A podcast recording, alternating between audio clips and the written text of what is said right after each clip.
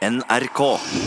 Mange, både barn og voksne, har et nært forhold til kaptein Sabeltann. Sabeltann, som går under navnet Kongen på havet, har 30-årsjubileum i år. Og hver eneste sommer så ser titusenvis av mennesker forestillingen i Dyreparken i Kristiansand.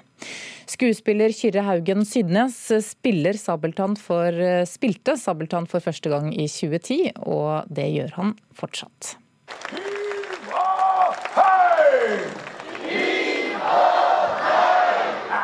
Ja, det er fantastisk. Eh, det er ja, Nå er det ti år siden jeg kom inn i dette universet, i eh, TV-serien som gikk på NRK. Og jeg tror ikke vi har hatt én forestilling som ikke har vært utsolgt til nå. det, det, sier sitt. Det er ikke så lett å høre, men det er på en måte selveste kaptein Sabeltann som snakker her. Skuespiller Kyrre Haugen Sydnes fra Bergen er inne i sin tiende sesong som kongen på havet. Jeg, jeg elsker å leke. Dette er en uh, utrolig gøy lek. Uh, det å få lov å leve seg inn i kapteinens uh, verden og sammen med alle de gode kollegaene som vi er på kveldsforestillingen, det er, det er superstas å være en del av.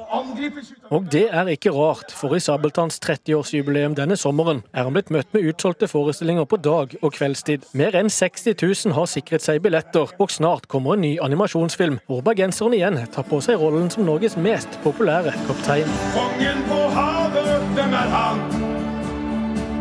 En sort og sint og farlig mann. Det å spille for 2500 foran amfiet på kveldsforestillingen, det er et annet format. Det er mer rockestjerneformatet. Så jeg har vært så heldig for å gjøre både spillefilmen og nå også animasjonsfilmen, som er to andre format. Det er egentlig ganske sjelden at en skuespiller får lov å både være med på det store formatet, men også få lov å koke ned sausen da, til at det skal funke på film. Det fins en konge på havet. Har du sett for deg hvor lenge du har lyst til å gjøre akkurat dette her? Så lenge det er gøy, så lenge Terje, så lenge Parken er fornøyd. Det må jo være et behov, og de må synes at det er viktig at jeg gjør eh, kapteinen. Vi får se. Jeg synger en sang om livet om bord. Du, jeg har tre barn. Én på fire, én på sju, én på 18. Ingen av de er interessert i at jeg skal gi meg dette ennå. Så kona er også fornøyd. Så enn så lenge så, så har jeg ikke noe valg. Sånn sett.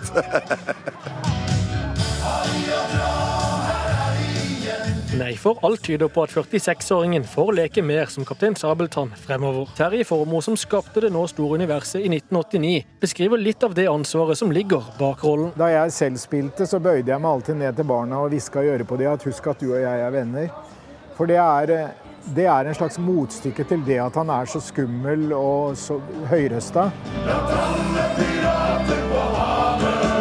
Og det er det engasjementet som gir Kyrre Haugen Sydnes den store gleden ved å ta på seg sjørøverfrakken hvert eneste år. Det å kunne være alles kaptein Sabeltann. Det er det som er fantastisk med, å, med, med teaterformen. At det er et så varmt og genuint øyeblikk som man deler sammen. Både vi på scenen og de i amfiet. Uh, og Du ser alle som har kledd seg ut og, og lever seg inn i, i denne historien. Uh, det er stort. altså. Kjempegøy.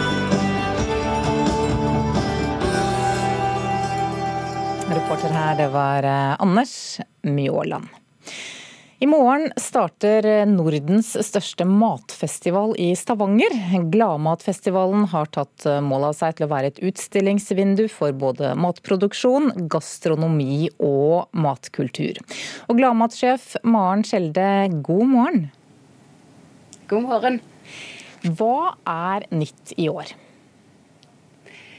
Vi har jo en fantastisk eh, publikumsfestival med 150 utstillere, eh, produsenter, restauranter, andre mataktører. Og i år så skal vi òg ha et veldig kjekt faglig program på scenen på Torget og på et av de andre konseptområdene. Hvor vi skal eh, invitere inn både produsenter og fagfolk og matfolk til å snakke om forskjellige ting som folk forhåpentligvis er opptatt av. Ja, er det noen nye trender innenfor matkultur? Ja, Vi vet jo at det er mye snakk om både matsvinn, det skal vi ha Mette Nygaard Havre med og, og snakke om. Både på scenen og òg gjør en juniorenes matredderkamp med unger. Og så vet vi jo at folk er opptatt av spørsmål om hva er bærekraftig mat, hvordan spiser vi riktig, hvordan bruker vi f.eks. hele dyret og, og unngår eh, svinn.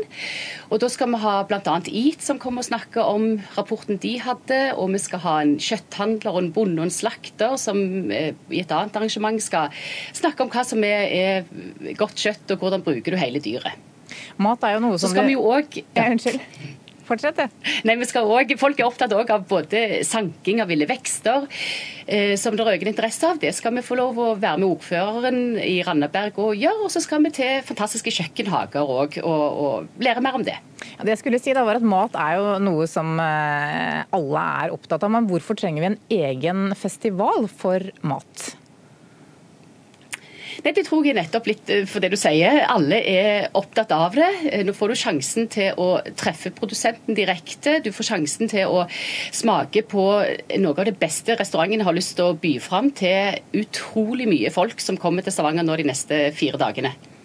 Festivalen har jo tidligere trukket opp mot 250 000 mennesker. Hvilke forventninger har dere i år? Det er ingenting som tyder på at det ikke skal bli like eh, travelt som det har vært de senere årene. Det er fullt opp med utstillere, og eh, det, vi forventer at det kommer utrolig mye folk fra onsdag til lørdag nå i uken. Og Hva gleder du deg mest til som festivalsjef? Ja, Nå gleder jeg meg i første omgang til å få alle utstillerne inn i dag og få alt på plass. Klokka tolv i morgen er det åpning med statsministeren på scenen på torget det gleder jeg meg voldsomt til. Og så er det selvsagt det å få lov å gå rundt og smake på det fantastiske produsentene og restaurantene byr på. Takk skal du ha, Gladmat-sjef Maren Skjelde. Modernismen lever farlig, det skriver Klassekampen i dag. Y-blokka i regjeringskvartalet er ikke det eneste modernistiske bygget som er rivningstruet her i landet. Og kulturreporter Knut Øyvind Hagen, hvorfor lever disse byggene farlig. Man snakker faktisk om en 40- og 50-årskrise. Altså, det er jo begreper vi på privaten eh, bruker om å skaffe oss motorsykkel eller eh, kabriolet. Men her så handler det om at når bygg blir 40 eller 50 år gamle, så er det en fare for at det ikke lenger blir verdsatt. Kall det et eh, generasjonsopprør. Og det er jo illustrerende at Y-blokka, som nå er vedtatt revet, er nøyaktig 50 år gammel. Den ble ferdig i 1969. Og Hvordan er situasjonen for modernistiske bygg i andre land? I Tyskland og Brasil så har jo modernistiske bygg blitt turistattraksjoner. I Tyskland kan man ta en Grand Tour de Moderne gjennom arkitekturhistorien, og det samme kan du i Rio de Janeiro og Sao Paulo. Mens her hjemme så er altså mange bygg truet. Eh, Økernsenteret, Landbrukskvartalet i Oslo, Rådhuset i Bergen, som har samme arkitekt som Y-blokka. Og eh, så er det da en professor, Espen Johnsen, professor i kunsthistorie ved Universitetet i Oslo, som sier at når man river kulturminner, så mister vi også vår egen historie. Mm.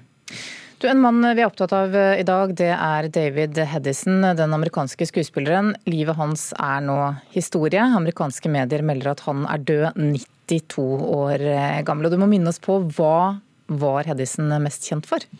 Han hadde jo en karriere lang som en legende verdig. Gjennombruddet kom allerede på 1950-tallet i science fiction-klassikeren The Fly fra 1958. Samme år eh, kom filmen Son of Robin Hood. Han spilte også i TV-serier som Institusjonen, TV-serien over alle TV-serier Dynastiet, og James Bond-filmene License to Kill og Live and Let Die. 92 år gammel så var det altså hans tur til å forlate denne verdenen, men han etterlater seg en skattkiste av skuespillerprestasjoner som en avdød helt av Hollywood. Takk skal du ha, reporter Knut Øyvind Hagen.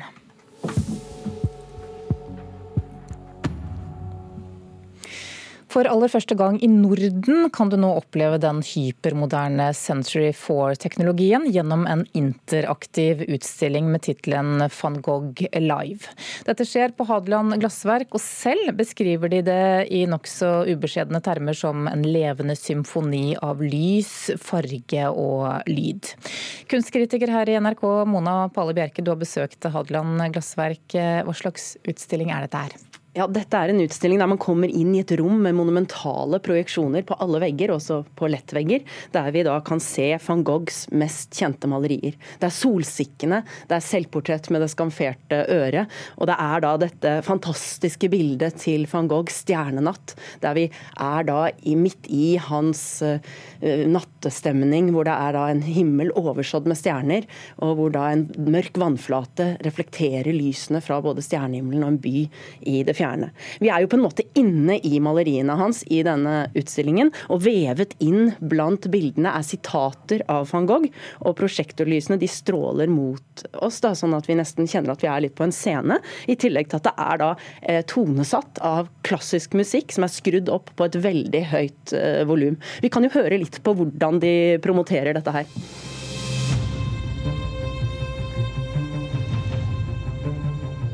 From the moment you enter, a powerful and vibrant symphony of light, color, and sound compels you to leave the world behind and immerse yourself in the world of Vincent. Go on a journey to the places where Vincent created his timeless masterpieces. From the Netherlands and Paris to his time in Arles. Dette er jo ikke noe som er skapt på Hadeland glassverk, men dette, det er et slags konsept de har kjøpt? Ja, det er det. Det er utviklet av Grand Exhibitions, som nettopp er spesialisert innenfor denne type interaktive utstillingsopplevelser. Så det er kjøpt som en slags pakke. Og Hadeland glassverk selv beskriver dette som en uforglemmelig utstilling. Hva er din vurdering? Ja, uforglemmelig er den nok i den forstand at den er et angrep på sansene. Og sånn sett er den vanskelig å slette fra hukommelsen.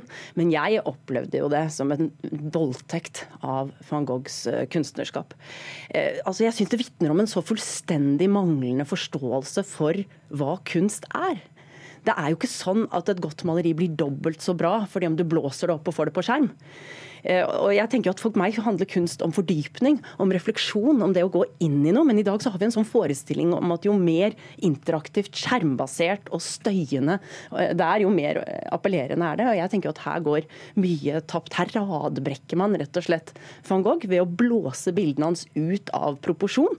Og her blir jo også bildene i disse lysende skjermprojeksjonene veldig sånn glorete og stygge. Og man ødelegger den sensitive fargefølelsen som kjennetegner van Goghs malerier. Og like ille er det jo med komposisjonene. ikke sant? Når det er veggarmatur, det er branndører, det er kontakter. Alle mulige elementer som kommer inn og forstyrrer eh, billeduttrykket. Så dette er jo eh, altså en følelse av eh, at bildene blir virkelig ødelagt, syns jeg. Og jeg tenker jo at Det er veldig sjeldent at selv de mest ubehjelpelige forsøk på å formidle kan ødelegge virkelig stor kunst. Men i dette tilfellet så er jeg redd for at eh, en betrakter som kanskje ikke kjenner så godt til van Gogh fra før, kan sitte igjen med et forflatet og feilaktig eh, eller forfeilet bilde av dette kunstnerskapet. Ja, du er opptatt av at det ikke er gratis å komme inn her heller? Ja, dette er virkelig ikke gratis. Dette koster 180 kroner eh, per person. Så dette er jo ikke bare en voldtekt, det er også et ran. Sterke ord. Ja.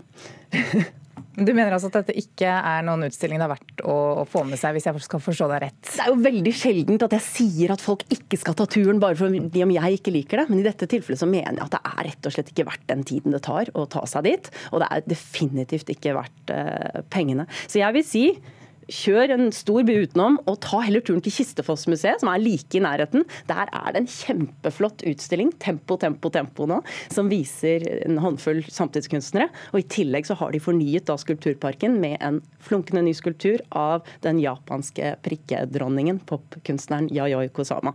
Takk skal du ha, kunstkritiker her i NRK, Mona Palle Bjerke. Og for den som likevel da vil ha med seg utstillingen på Hadeland Glassverk, så kan vi ta med at den vises frem til 18. august.